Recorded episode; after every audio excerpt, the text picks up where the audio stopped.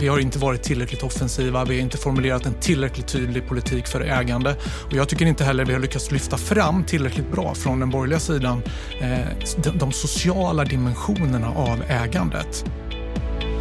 Hela alliansen har varit defensiva. Vi har haft möjlighet att reformera hyressättningssystemet under flera år, men vi har inte gjort det. Det är först nu i den här konstellationen som vi kan göra stora reformer på det här området.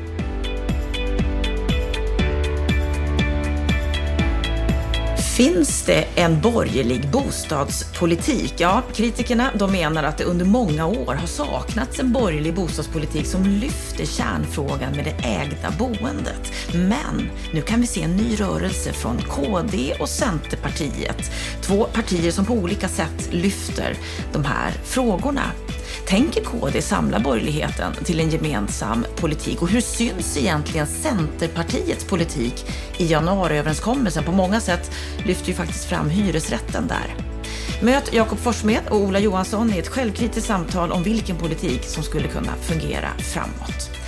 Varmt välkomna till en ny vecka då du får både fördjupning, analys och det aktuella som har hänt på den bostadspolitiska arenan.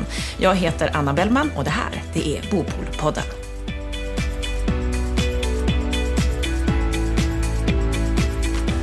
Som vanligt i Bopolpodden så börjar vi med det aktuella som har hänt under veckan, den här veckan tillsammans med Linda Jonsson. Varmt välkommen Linda.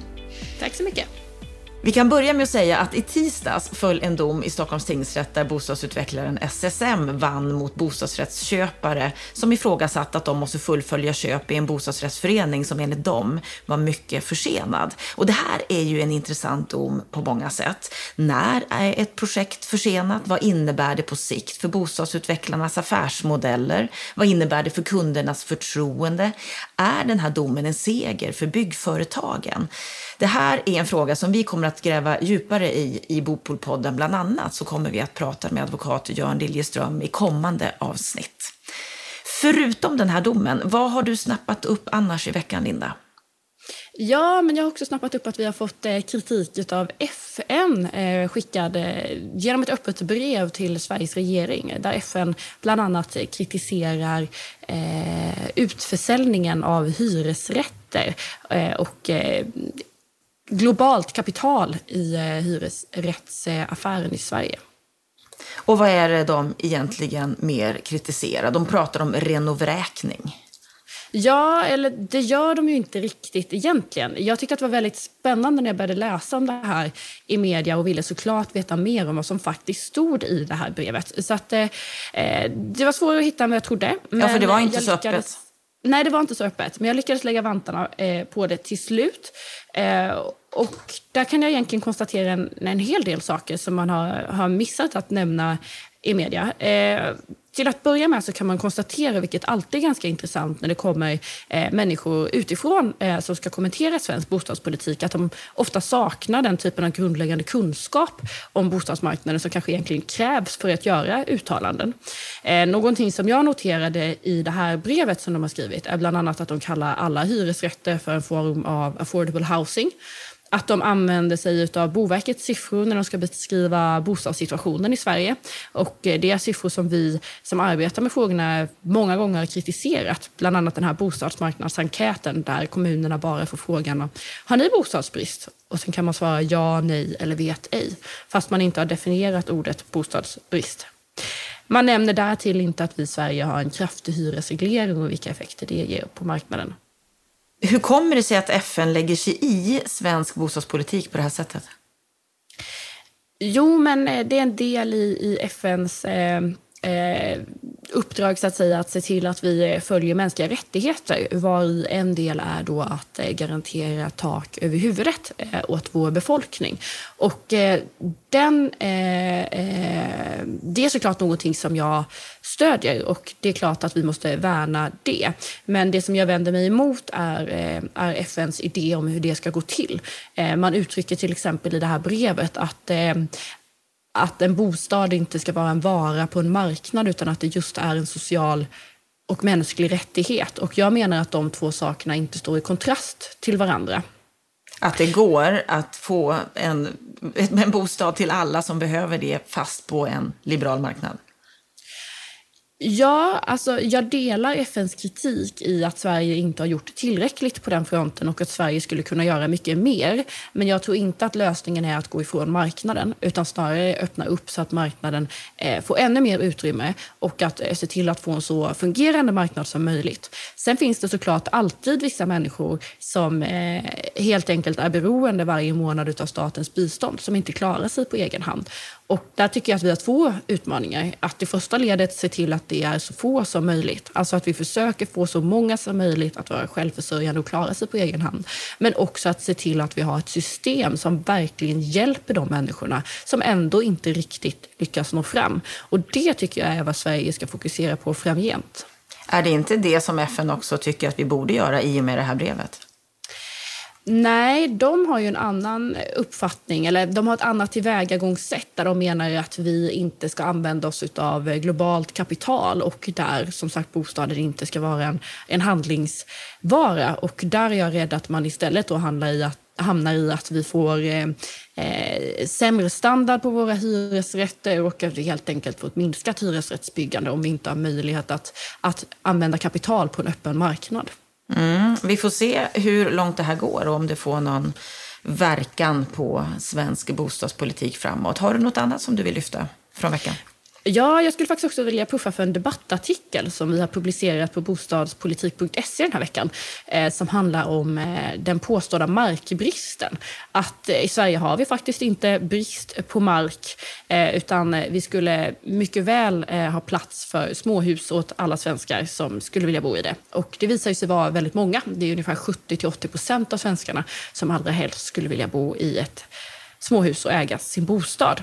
Eh, men debattartikeln lyfter också fram ett mycket intressant perspektiv och det är ju just detta att vi har så mycket mark i Sverige som inte har byggrätt. Alltså att vi inte har tillräckligt med planlagd mark. Man kan diskutera att två markplättar som ligger bredvid varandra och kanske bara ett stenkast emellan eh, så kan den ena kosta betydligt mycket mindre än den andra för att eh, den ena då har byggrätt och det har inte den andra. Eh, han pratar om en skillnad på 14 000 procent mellan mark som, då är, som finns byggrätt på och mark som inte har det, trots att den ligger precis bredvid varandra. Och det är då alltså en politisk fråga. Om eh, man från politiskt håll hade sett till att eh, planlägga mer mark och ge mer mark byggrätt så skulle man eh, helt enkelt eh, kunna sänka bostadspriserna och fler skulle ha möjlighet att bo då i ett småhus, vilket mm. folk också vill. Och han avslutar ju här också sin eh, artikel med att säga att det råder inte markbrist, det råder bara brist på politiskt mod att göra upp med regleringarna och förtätningsparadigmet. Och det för oss över på veckans samtal. För vi har ju en stor bostadsutmaning, bostadsbristen, den finns där. Bostadsbyggandes, den spås sjunka med ungefär 50 procent de närmsta åren. Men var finns den borgerliga bostadspolitiken som faktiskt främjar det ägda boendet? Var finns det politiska modet? Och det ska vi prata med två borgerliga politiker om nu. Och det samtalet ska du få kommentera om en liten stund. Så tack så länge, Linda.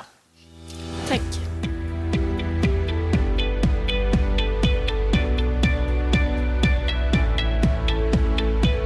För att lösa bostadsutmaningarna så har debatten en lösning, hyresrätten. En lösning som av många anses vara den allra dyraste boendeformen som vi har. Men var hörs debatten om det ägda boendet? Många bor idag i ägt boende och ännu fler vill äga. Var har vi den borgerliga lösningen för en fungerande bostadssituation i Sverige idag?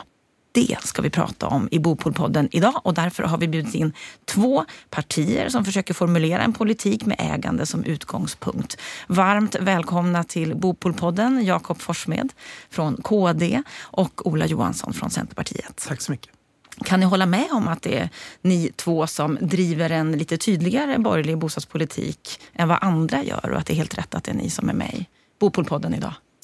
Ja, vi från Kristdemokraterna har ju sett det här som ett problem att vi har alldeles för mycket fokus på hyresrätten och inte minst det här januariavtalet så har man ju fokuserat väldigt mycket på hyresrätt med byggsubventioner och marknadshyror och sådana saker.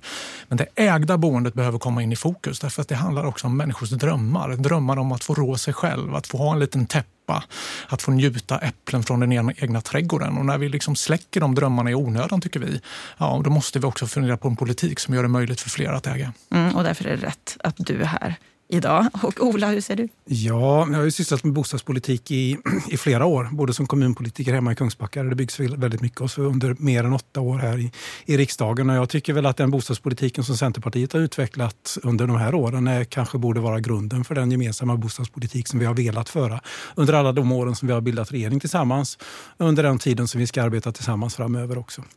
Men jag håller inte riktigt med om att det finns ett överdrivet fokus på hyresrätten när det gäller januariavtalet. Alltså, eh, hyresregleringen och all, alla komplikationer som finns kring den är ju, är ju reformer som jag tror att både Kristdemokraterna och Centerpartiet är överens om att vi behöver lösa. Och att, ja, vi eh, får det är kolla lite att göra det i en bredare till... kontext. Ja, vi kommer tillbaka till just den eh, punkten, men det är ju helt rätt att du också är här. Ola, det hör vi ju väldigt tydligt. Bara lite kort om er två. Jakob, du är riksdagsledamot sedan valet 2014, ekonomisk politisk talesperson, förste vice partiordförande. Du har varit ordförande för ungdomsförbundet en gång i tiden, har haft lite andra uppdrag i partiet. Du är från Huskvarna men bor idag i Sollentuna. Vad är det som driver dig att skapa den bästa bostadspolitiken? Ja, egentligen handlar det väl om att, eh, liksom att samhällsproblem, att se samhällsproblem och försöka jobba med policy för att lösa dem. Det, det, ofta blir ju politikens fokus på spel, men politiken spelar stor roll eh, för att både analysera samhällsproblem men också ta fram verkningsfulla åtgärder. Och det, det driver mig i politiken i allmänhet och, och, just nu tycker jag bostadspolitiken är ett av de stora eh, problemområdena som vi, som vi behöver ta tag i på ett betydligt bättre sätt än vi gör idag. Så det är därför jag håller på med de här frågorna väldigt mycket just nu. Ola, du är också riksdagsledamot sedan valet 2010, också förbundsordförande i Bygdegårdarnas riksförbund läste jag. Du har arbetat inom industrin i 20 år, bor i Kungsbacka där du också har varit kommunalråd som du också nämnde. Vad är det som driver dig att driva bostadspolitiken framåt? Det är ju människors möjlighet att förverkliga sina drömmar. Om det handlar om att eh, flytta ihop med någon eller kanske tvingas flytta isär. Att eh, kunna söka ett jobb och kunna tacka ja till det. Att kunna komma in på en utbildning. Eh, det finns en massa drivkrafter som människor har inom sig som innebär att man också måste ha möjlighet att flytta på sig emellanåt. Och det gäller att skapa förutsättningar för att förverkliga de här drömmarna på ett eller annat sätt. Mm, ni är båda inne på vikten av att förverkliga drömmar. I en debattartikel i DN från slutet av april så sa du, Jakob, tillsammans med Ebba Busch att januarikonstellationens hyresrättsfixering är svårbegriplig när de allra flesta vill bo i eget ägt boende. I vår budgetmotion presenterar vi ett brett reformprogram som på ett ansvarsfullt sätt främjar eget ägt boende. Vad är det ni vill se? Vi vill se ett skifte i, i, fokus där man inser att den politik vi har bedrivit de senaste åren där man har lagt restriktion på restriktion på krediter för människor har, har skapat en situation där vi, där vi driver unga människor, eh, nyanlända, personer som har bott ett tag i Sverige, förstagångsköpare in i dyra andrahandslägenheter eller i hyresrätter. Och det här spelar en stor roll över tid också. Eh, det här har väldigt stora sociala konsekvenser. Eh, man får inte samma möjlighet att spara. Eh, ett snitthushåll i Västerås som, som köper en bostadsrätt eller flyttar till en, en nyproducerad hyresrätt. Den som bor i bostadsrätten kan spara dubbelt så mycket eh, varje femårsperiod och dessutom få del av en värdestegring. Så det här driver också ekonomisk ojämlikhet i Sverige. Eh, och därför duger det inte, menar vi, att fortsätta fokusera på, på hyresrätten med byggsubventioner, med reformer, ägna vår reformkraft åt en produkt som faktiskt passar ganska dåligt för väldigt många, men dit allt fler nu drivs. Eh, så det skiftet vill vi, vill vi se och, och, och som ett borgerligt parti så tror vi också att ägande är i grunden någonting bra. Ola, tittar man lite grann på debatter i, i riksdagen så var det en debatt här i början på maj där, där du var kritisk till hur riksdagen har, och regeringen har drivit bostadspolitiken och du säger själv att ni har som avsikt att gå lite längre. Exempelvis när det gäller regelförändringar och så. Vad, vad, är, vad är det du vill se i bostadsdebatten idag? Tycker att eh, Jakob har rätt i det, att vi behöver underlätta för människor att kunna spara och låna pengar för en bostad. Bosparande för unga är ju, har vi ju egentligen, eftersom vi har suttit i regeringen tillsammans, så borde vi ju haft möjlighet att driva den frågan mycket hårdare tillsammans och genomföra det. Men tyvärr är det väldigt mycket finanspolitik som styr och hindrar de reformerna som vi skulle vilja genomföra. Kreditrestriktionerna infördes ju eh, i ett skede när de kanske behövdes men idag så känns det ju som att de är ett överdrivet krafttag som hindrar många människor från att, från att skaffa sig en egen bostad. Regelförenklingsarbete är ju, är ju viktigt att jobba med hela tiden. Att underlätta för byggföretag att driva egna planer från start till mål till exempel. Det är en sån här sak som vi har med i januariavtalet. Eh, ytterligare översyn av hur man ska kunna bygga utanför detaljplaner och lagt område. Så regelförenklingar jobbar vi mycket med men det är ju som Jakob är inne på, det är ju finansieringen som är det stora problemet. Finansieringen både av det ägda boendet men också när det gäller hyresrätter. För vi ser många små eh, byggföretag, allmännyttan på landsbygden har också svårt att, att, få fram bostäder. Och det kan behövas hyresrätter även på en sån marknad. Inte minst eh, någonting som de äldre kan flytta till när de vill sälja sitt hus i en yngre familj. Men skulle du vilja se en politik som är tydligare för ägt boende? Absolut. Absolut. Vi har ju tagit initiativ i riksdagen och bjudit in till seminarier om en ny egnahemsrörelse eh, för Sverige. Det gjorde vi redan i början på april, det vill säga två veckor före den här eh, artikeln publicerades. Lennart Weiss var med på mötet till exempel, där vi testade olika metoder och modeller för att kunna bospara, eh, utveckla tomträttsinstitutet, få fram enklare byggregler som gör att serietillverkade hus och egna, egen, egenbyggda hus får en, en lättare resa genom planprocesserna. Men när det gäller då den här januariöverenskommelsen som vi ju redan har varit inne på så syns det inte jättemycket när det gäller att vi är för ett ägt boende där. Ni, eh, bland annat så, så, så är ni väldigt pro hyresmodellen som ni vill reformera, göra om investeringsstöden för hyresrätter. Varför ser vi inte fler förslag där när det gäller det ägda boendet? När vi går in i januariavtalet så är det ju för att lösa de stora knäckfrågorna. Vi tar ju chansen här nu när vi har möjlighet att, eh, att kunna påverka politiken genom att släppa fram regeringen Löfven att ställa de riktigt, riktigt skarpa kraven som gäller både att reformera arbetsmarknaden men också att reformera hyresmarknaden på ett sådant sätt så att vi kan genomföra eh, fri hyressättning i nyproduktion utifrån de eh, formuleringarna som vi har i januariavtalet som är väldigt långtgående, som kommer att utmana den hyresmodellen som vi har och skapa ett bredare utbud. Också driva på byggandet byggandet av hyresrätter.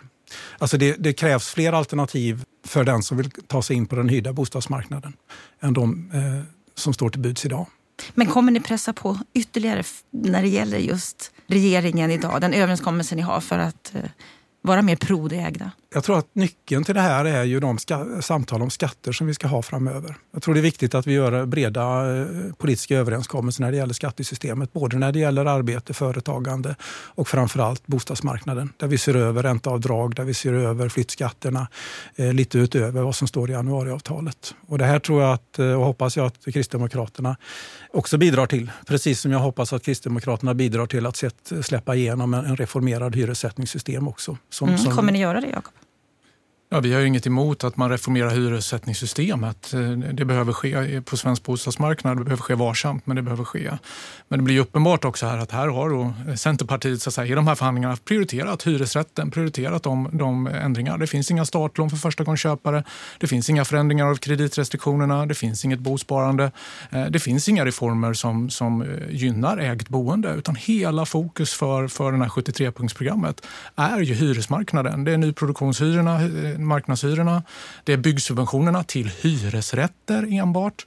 Och sen så är det då det här också att man ska få fängelse om man, om man köper ett svart hyreskontrakt. Så man lägger väldigt mycket reformkraft kring en boendeform som redan är dyr, som, som människor faktiskt egentligen inte vill bo i, i alla fall inte annat än i vissa skeden av livet. Eh, och jag tycker att det där är, är rätt tråkigt och riskerar ju också att bli det vi får gjort den här mandatperioden riskerar att bli reformer för hyresrätten när vi skulle behöva reformer för ägt boende. Kan du förstå den kritiken, Ola? Ja, Jakob hade ju gärna kunnat vara med i de diskussionerna och fört in de här frågorna i förhandlingarna. Det hade säkert varit välkommet. Men nu är det där vi står. Vi kommer att genomföra förenklingar och förändringar av plan och bygglagen. Vi kommer att se över riksintressena. Vi kommer att eh, göra det möjligt att bygga strandnära på landsbygden. Vi kommer att se till så att det finns större och bättre möjligheter att finansiera och få ihop kalkylerna när man vill bygga hyresrätter på landsbygden. Och vi kommer att driva frågorna som har att göra med hur du ska kunna göra eh, betala ut kreditgarantier eller ställa upp kreditgarantier för de som vill bygga också egna hem på landsbygden. De frågorna kommer vi fortsätta driva blir ganska märklig kritik att jag borde varit med för att det så ska komma in det ägda boendet. Det är ju... Ja, men ni valde att inte vara med. Eh, ja, jag tror att lyssnarna har en ganska bra bild av hur regeringsbildningsprocessen gick till. Eh, faktiskt, men jag, jag lämnar det till lyssnarna. Om vi går vidare och tittar på detta med ägarboendet och ägarpolitik så kan vi konstatera att det är inte för alla. Det finns ekonomiskt svaga hushåll som inte har möjlighet att efterfråga och köpa ett boende. Och här i Sverige har vi en egen form av social housing, skulle vi kunna säga. Sociala kontrakt där kommunerna hyr ut bostäder i andra hand till människor som annars skulle ha varit hemlösa. Och i första hand så använder kommunerna sina egna bostäder som sedan länge har varit avsatta för just det här ändamålet. Men när de inte räcker till så tvingas kommunerna att använda andra lösningar som att hyra hotell, vandrarhem men också vanliga lägenheter av privata aktörer. Och tittar vi på en granskning som kom upp här för bara någon, ett par veckor sedan som Hyresgästföreningens tidning Hem och Hyra har gjort så kan vi se att Malmö stad i fjol betalade totalt 161 miljoner kronor för hotell och lägenheter till hemlösa. Exempelvis var det en familj som bor i en tvåa, de är sex personer sedan ett år tillbaka. De är väldigt nöjda med den här lösningen. Men kommunen betalar över en halv miljon för den lägenheten som annars kanske skulle kosta, vad kan vi uppskatta, 70-80 000 kronor för ett år. Stor, stor skillnad. Hur ska vi få en mer effektiv social bostadspolitik där skattepengarna används klokt? Ja, nu har ju vi eh, gått med på att investeringsstödet ska finnas kvar. Oklart eh, hur stora belopp, men vi har sagt att det ska effektiviseras och koncentreras och riktas till eh, bostäder i hela landet. Och för oss så betyder det svaga bostadsmarknader, svaga konsumenter. Ska vi ha ett stöd kvar så måste vi använda det så det gör nytta hos de människorna som behöver det mest och inte några generella subventioner. Det kommer vi att verka stenhårt för.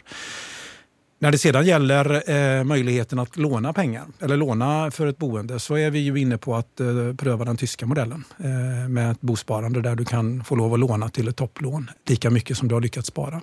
Det finns flera olika alternativ. Det och ett skattefinansierat det, kan den tyska modellen funka i Sverige? De har inte riktigt samma välfärdssystem som vi har här. Nej, det, det, är möjligt att det är så, men vi måste också se på vad, vad, som har varit framgångsrikt i andra länder och försöka anpassa de, eh, de eh, lösningarna till svenska förhållanden. Vad säger ni i KD? Vad är det viktigaste för att få en riktigt fungerande social bostadspolitik? Ja, risken med de här byggsubventionerna är ju att de sen går till grupper som inte är de mest behövande utan de som råkar stå längst fram i bostadskön och har lång kötid. Eh, och då har man ju gett en subvention till någonting som inte, inte når fram. Vi tycker ju att det är bättre att arbeta med höjt bostadsbidrag. Det har ju visat sig att när bostadsbidraget inte har följt med, då har fler, inte minst barnfamiljer, halkat ner i det som heter ekonomiskt bistånd, alltså i socialbidrag. Och från socialbidrag är det mycket svårare att ta sig tillbaka till arbetsmarknaden. Det finns större marginaleffekter eh, och, och, och, så. Så att vi tror att vi också kan, kan jobba med höjt bostadsbidrag. Jag har inget emot fler sociala kontrakt heller i kommunsektorn och att man ger tydligare direktiv till kommunala bostadsbolag och så att jobba mer med de här frågorna. Men jag skulle vilja peka på att långsiktigt, den här politiken vi driver nu, att människor med låga men stabila inkomster inte får chansen att köpa. Att den som vill köpa en snittlägenhet i Stockholm som har en boendekostnad kanske på 4 000 i månaden i dagsläget, ska, få prö ska prövas för 18-19 000 i bokostnader. Bo ja, får inte lån och drivs då in i en dyr hyresrätt, får inte chansen att spara ihop till något sparkapital, lever på marginalen, har inte en buffert att, att ta till när, när, när oförutsedda händelser inträffar och så. Alltså den typen av långsiktiga saker som vi nu driver fram när människor inte kommer in på ägd bostadsmarknad. Det riskerar också att skapa sociala problem och ojämlikhet över tid. Mm, vi har stora utmaningar i vårt land när det gäller just det här. Jag skulle vilja återkomma, Jakob, till den debattartikeln som, som ni hade i DN. Där skriver ni också så här att borgerliga partier som gärna talat om ägandets fördelar har å sin sida haft en aversion mot att ta statens muskler i anspråk för att fler ska få möjlighet till eget ägt boende. Och här undrar jag lite grann, har ni som avsikt att försöka samla borgerligheten, som ju är lite splittrad just nu, till en gemensam borgerlig politik? Eller vad är er vilja och syfte? Jag tror att det vore väldigt bra för Sverige om vi fick det här. Jag är tacksam om Ola och Centerpartiet driver på inom regeringen för mer av ägt boende också. För det, det ser vi inte idag. När man lyssnar på Per Bolund så är de här perspektiven väldigt frånvarande. Eh, jag tror att vi behöver det här. Jag tror att vi behöver gå tillbaka till att tänka ägarspridning. Alltså inte bara tänka ägande i allmänhet är bra, utan också att fler människor ska komma i åtnjutande av eget ägande.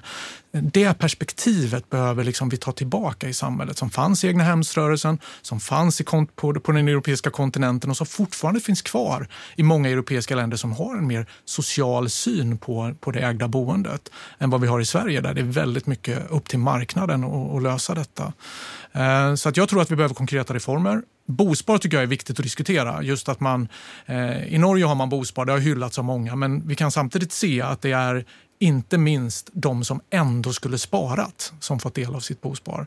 Där har vi föreslagit en rätt innovativ modell, nämligen att det här ska ske med automatik. Så fort du börjar tjäna, tjäna egna pengar så ska 500 kronor i månaden sättas över till ett bosparkonto och staten ska gå in med en 100 kronors subvention.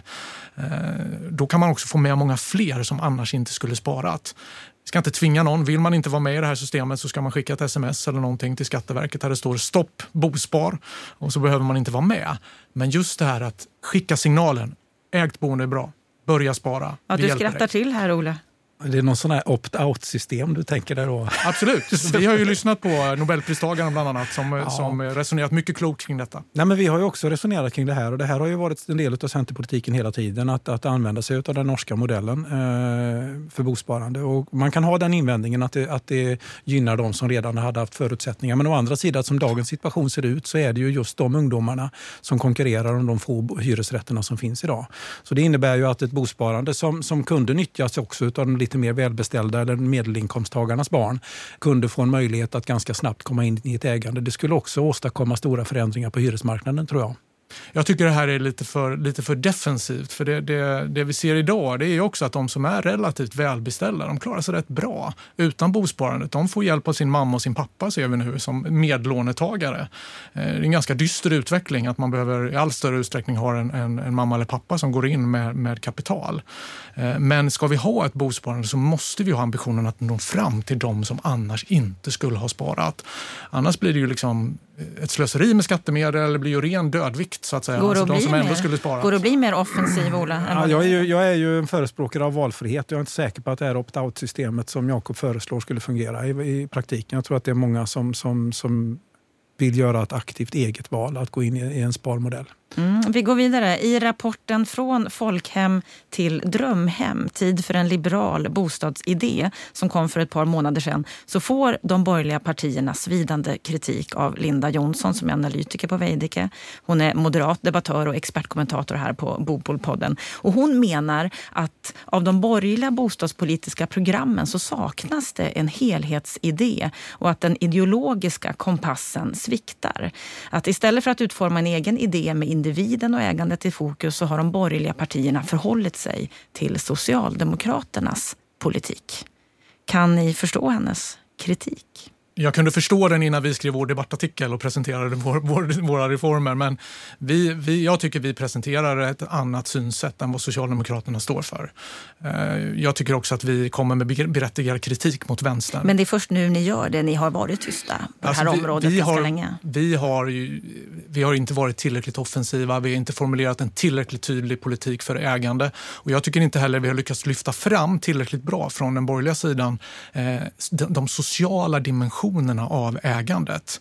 Alltså möjligheten att spara, att rå sig själv, att självförvalta, alltså att inte, vara bero, inte pytsa in pengar till en, till en, en kapitalägare så att säga, som äger fastigheten. Eh, det, det är ett argument som jag tycker är svårt att förstå eh, från vänsterhåll varför hyresrätten skulle vara så bra. Och det här med att vi idag har en situation i utsatta områden med kanske 90-95 procent hyresrätter. Den som får ett arbete vill äga sin bostad tvingas att flytta från de här områdena istället för att investera, vara kvar, bidra med social stabilitet, bidra med det här lokala ägarskapet och framtidstron i, i utsatta områden. Det tycker jag också är en förbisedd effekt av när det inte finns möjligheter att faktiskt äga sitt boende. Mm, Ola, förstår du kritiken att ni mer har förhållit er till en socialdemokratisk bostadspolitik? Jag kunde ha förstått den innan eh, Centerpartiet och Liberalerna bröt igenom den socialdemokratiska muren kring den reglerade hyressättningen. Eh, I och med att vi kommer in i en situation där vi har möjlighet att reformera och skapa en möjlighet att kunna, för en fastighetsägare att sätta hyran fritt i sin nyproduktion så har vi förändrat eh, stora delar av svensk hyresmarknad för lång tid framöver. Jag tror att det är väldigt, väldigt viktigt att åstadkomma detta. Men fram tills dess så var ni också för defensiva? Hela alliansen har varit defensiva. Vi har haft möjlighet att reformera hyressättningssystemet under flera år, men vi har inte gjort det. Det är först nu i den här konstellationen som vi kan göra stora reformer på det här området. Jag en tror annan... att det är oerhört betydelsefullt. Vi gjorde ju ändå presumtionshyressystemet som har betytt har en, hel, en hel del eh, kring detta, så det är väl inte helt sant att vi inte gjorde någonting. Ja, fast det där är ju en, en modell som förutsätter Hyresgästföreningens godkännande. Det här systemet som vi nu kommer att föra fram, det kommer att vara mycket, mycket bättre. Och kommer dessutom att lämna Hyresgästföreningen helt vid sidan av sitt förhandlingsmandat. En annan sak som hon kritiserar och som hon skriver det är att de borgerliga partierna inte vågar stå upp i kampen mot kreditrestriktionerna är ur ett liberalt perspektiv lika oförsvarbart som att de inte vågar stå upp för en förändring av hyressättningssystemet. Ja, vi föreslår nu förändringar här, men jag, jag vill också samtidigt säga, komplicera det hela lite. Det är en sak att föra in hyr, eh, kreditrestriktioner, det är en annan sak att ta bort dem. Därför ska man vara ganska försiktig när man inför nya kreditrestriktioner. Vi har lagt lager på lager här utan riktig analys och eftertanke kring hur de slår tillsammans. Fått väldigt mycket kritik nu från, brett från ekonomiprofessorer också. Men tar man bara bort en generell kreditrestriktion så finns en risk att man bara driver upp priserna. Alltså det blir en kapitaliseringseffekt. Därför tror jag att man ska börja mildra kreditrestriktioner men att det också behövs insatser för de som behöver ta, ta sig in, alltså särlösningar. Eh, för att inte bara åstadkomma liksom prisuppgångar när man tar bort regleringen. Så ni var lite för oförsiktiga när ni införde det? Inte vi. Det är ju Finansinspektionen som har infört bolånetak och som har infört eh, det senaste amorteringskravet. Regeringen godkände det. Det var vi extremt kritiska till. Det här förstärkta det var ni som gav dem mandatet? Vi, vi, ja, vi, vi förändrade det på det sättet när vi, att de var tvungna att få regeringens godkännande. Eh, det var en väldigt bra förändring att de inte själva längre kan införa den här typen av krav. Men tyvärr så godkände ju regeringen utan egen analys det förstärkta amorteringskravet och det menar jag har också påverkat negativt. Det har gjort att det blivit ännu svårare att röra sig på bostadsmarknaden, ännu svårare att ta sig in eh, i ett skede när vi, när vi inte behöver den typen av restriktioner. Mm, Ola, du var också inne på att när de infördes så såg det bra ut. Ja, jag tycker jag hör den eh, ekonomisk-politiska talespersonen tala här. Alltså det, är ju, det är ju det som är vår, oss som bostadspolitiker som brinner för de här möjligheterna att förverkliga människors drömmar så är ju kreditrestriktioner på det sättet som de har införts bara ett stort problem. Eh, som ofta försvaras just av de ekonomisk-politiska talespersonerna. Jag tycker jag hör Jakob göra det här också nu. Eh, och jag kan förstå det. Det som vi har sett nu har hänt är ju att bostadspriserna har slutat öka i Stockholmsområdet medan de fortsätter att öka i, i resten av landet. Och det är ju en positiv utveckling. Det visar ju att det har varit någonting som har varit djupt felaktigt på Stockholms bostadsmarknad. Men att det är, är vi har en hyggligt fungerande bostadsmarknad i, i, hela Sverige förutom det här området. Och det tycker jag är positivt. Och det, det, det gör också att vi har anledning att se över hur de nu kan Eh, trappas ner och avvecklas på ett förnuftigt sätt. Vi måste mildra dem. Eh, jag är helt övertygad om detta. De är mycket skadliga i den utformning som de är nu, särskilt sammantaget. Eh, bolånetaket inte minst. Alltså idag har du krav på dig att du ska äga... Alltså efter, efter 14 år med dagens amorteringskrav så äger du halva din bostad. Är det då rimligt att du, att du måste hosta upp de här pengarna initialt? Och vi, vi ser att det här måste vi mildra, men det måste ske varsamt för att inte driva på skuldsättning och inte driva på bara att man driver upp priserna. Då har man inte vunnit något här. Därför behövs också särlösningar för de som behöver ta sig in på, på bostadsmarknaden.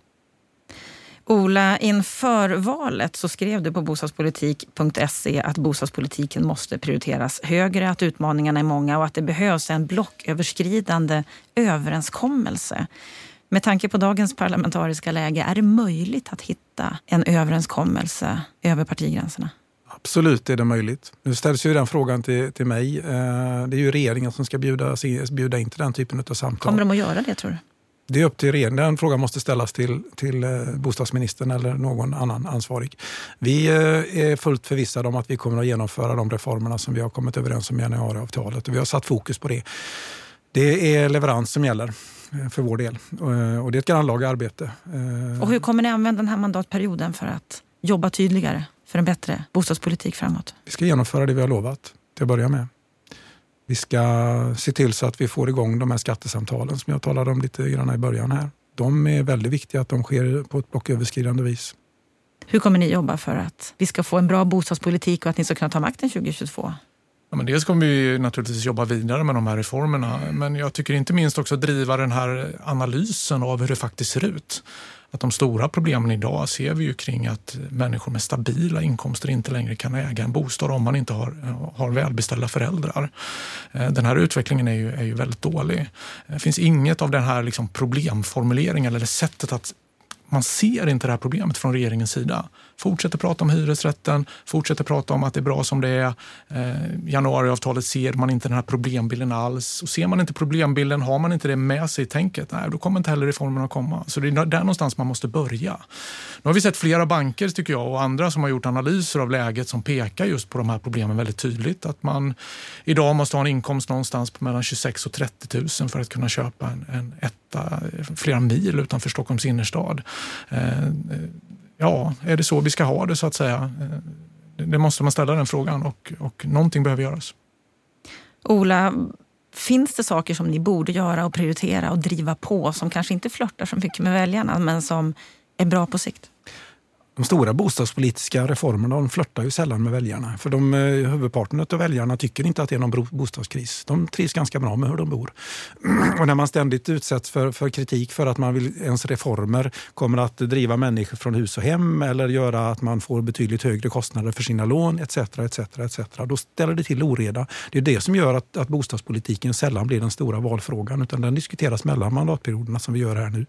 Det som är väldigt viktigt och som jag tror de flesta har stor förståelse förståelse för det är ju att vi skapar bättre förutsättningar för de som är riktigt, riktigt utsatta. De som eh, hanteras av eh, socialtjänsternas eh, handläggare för att få ett bostadskontrakt. De som bor trångbott, de som bor i svart korta eh, hyreskontrakt i flera led.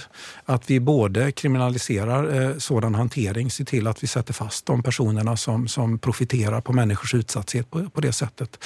Eh, därför tror jag att det är viktigt att vi tar krafttag i den delen samtidigt som vi jobbar med att lösa bostadssituationen för de som har det riktigt, riktigt jobbigt. Och då behövs det en annan dimension av en social bostadspolitik som vi inte har klarat av sedan allmännyttan eh, fick andra förutsättningar att arbeta i och med att allbolagen infördes. Vad skulle du säga är det svåraste med att driva en politik som för de här frågorna framåt på ett bra sätt?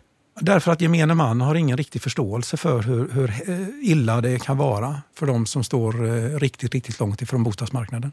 Vad skulle du säga, Jakob? Vad är det svåraste med att få en bostadspolitik som fungerar? Ja, det svåraste är ju att, att, att göra rätt saker, eh, att inte göra fel. Men man måste samtidigt våga göra de här sakerna nu för att förändra bostadsmarknaden brett. Eh, jag håller med om att vi behöver mer av det här sociala tänket. Vi behöver ta ett större ansvar. Det finns en modell som heter Bostad först till exempel som arbetar väldigt, väldigt aktivt med att motverka hemlöshet som borde spridas till, eh, genomföras i alla kommuner i Sverige. Ehm, men jag tycker också att fler och fler får upp ögonen. Det är många föräldrar som märker att deras barn har svårt att kunna köpa en bostad. Om man själv då inte som förälder äger sin, sin bostad, då har, man heller väldigt, då har man ofta väldigt små möjligheter att gå in som medfinansiär av, av den bostaden. Och då blir det ytterligare ett, ett problem där, där det här går i arv, att man inte får, kommer i åtnjutande av ett ägt boende. Så jag tror många ser den här situationen idag. Jag tror också att det finns en mognad kring ränteavdragen till exempel.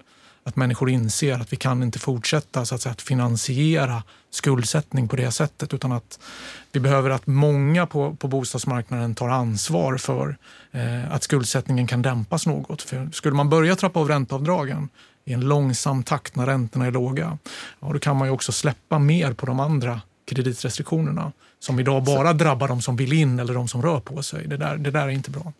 Men det låter ändå på dig då som att du ändå är positiv till att vi kan se en mer borgerlig bostadspolitik framåt? Ja, än så länge är jag inte det. Därför att jag tycker inte regeringen gör den analysen. Jag var på debatt med Per Bolund, eller samtal eller seminarium med Per Bolund förra veckan. Det fanns inte en, en ansats till, till detta. Eh, att se det här problemet, utan enbart bita sig fast vid att försvara kreditrestriktionerna. Eh, lösningen är fortsatt bygga hyresrätter, bygga tätt, inte bygga småhus. Eh, och vi ser resultatet. Det byggs i, i, relation till flerbostadshus så, så, har, så, byggs det historiskt få småhus i Sverige. Trots att de flesta faktiskt vill bo i ett mm. småhus. Så det, är en obalans på, det är en väldigt stor obalans på bostadsmarknaden. Ola, är du positiv för framtiden? Ja, alltså jag ser ju att den här debattartikeln i Dagens Nyheter är en blåkopia på den bostadspolitik som Centerpartiet har haft i sina bostadsmotioner och sina budgetmotioner under många år. Så jag välkomnar Jakob in i, i diskussionen här om hur vi underlättar människor att ta sig in på den egna bostadsmarknaden. Ni får fortsätta debatten och kampen mot en förändrad bostadssituation, för det behövs i vårt land. Stort tack Ola Johansson och Jakob Forssmed för att ni var med i Bopolpodden. Tackar.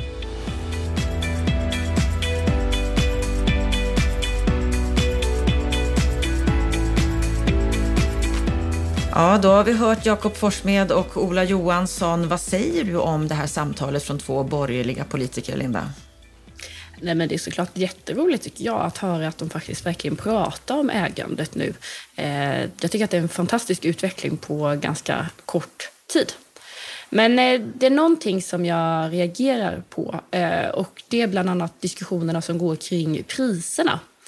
Eh, Ola uttrycker bland annat att eh, som en följd av kreditrestriktionerna så föll priserna i Stockholm men att de har fortsatt, ett, fortsatt att stiga an, i andra delar av landet och att det på något sätt skulle vara ett, eh, ett bevis för att det har varit något fel på bostadsprisutvecklingen eh, i Stockholm. Och där menar jag att man inte riktigt har förstått sammanhanget i så fall.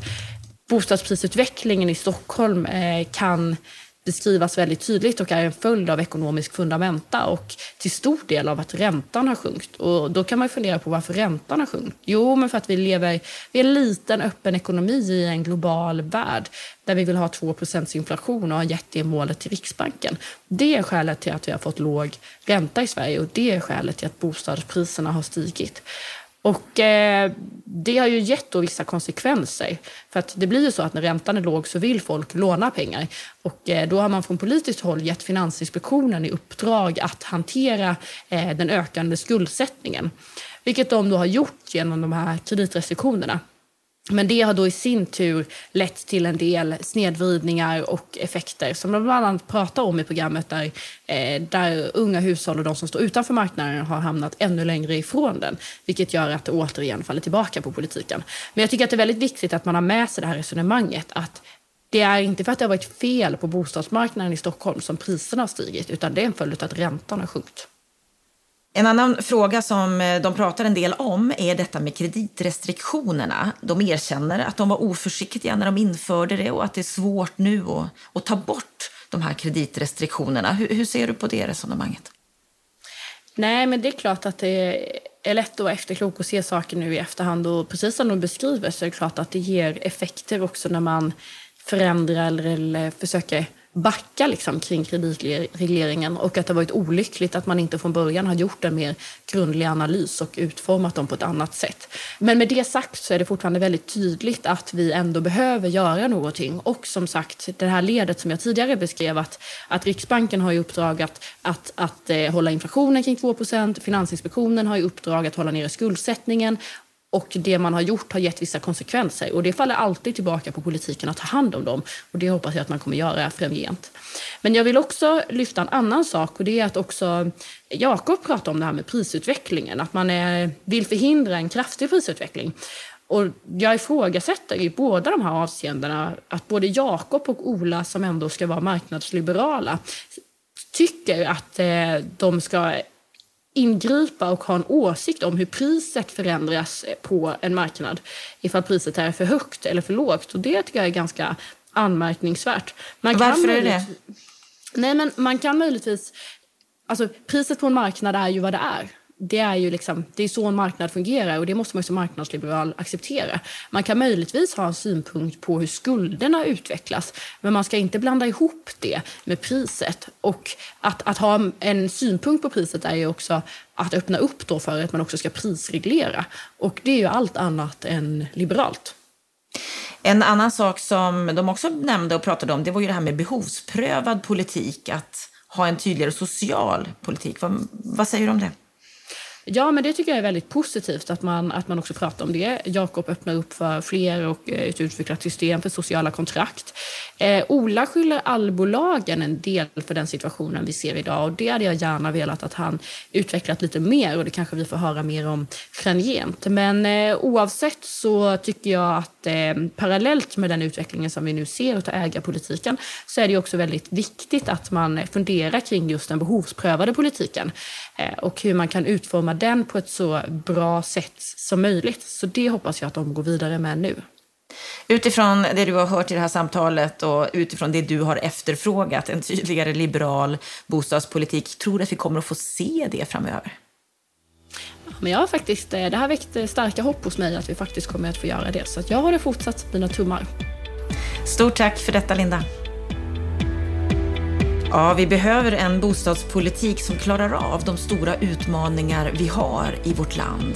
Men vad är det egentligen för utmaningar vi har? Det vi vet det är att vår befolkning ökar, att andelen äldre om tio år kommer att vara 50 procent fler. Så våra boendebehov, de kommer att förändras och det är väldigt snart. Men hur kan vi vara säkra på att de siffror vi pratar om verkligen stämmer? Hur ser den verkliga efterfrågan på bostäder ut framåt? Hur ska vi göra för att ta reda på hur vår demografi kommer att se ut framåt? Det kommer vi prata om nästa vecka tillsammans med Maria Playborn som är demograf, senior rådgivare på konsultföretaget VSP. Så missa inte nästa veckas Bokordpodden. Och om du har några kommentarer, några hurrarop eller några synpunkter på podden så får du jättegärna kontakta oss. Gör då det på mejladressen podd bostadspolitik.se. Och med det önskar jag dig en riktigt trevlig vecka.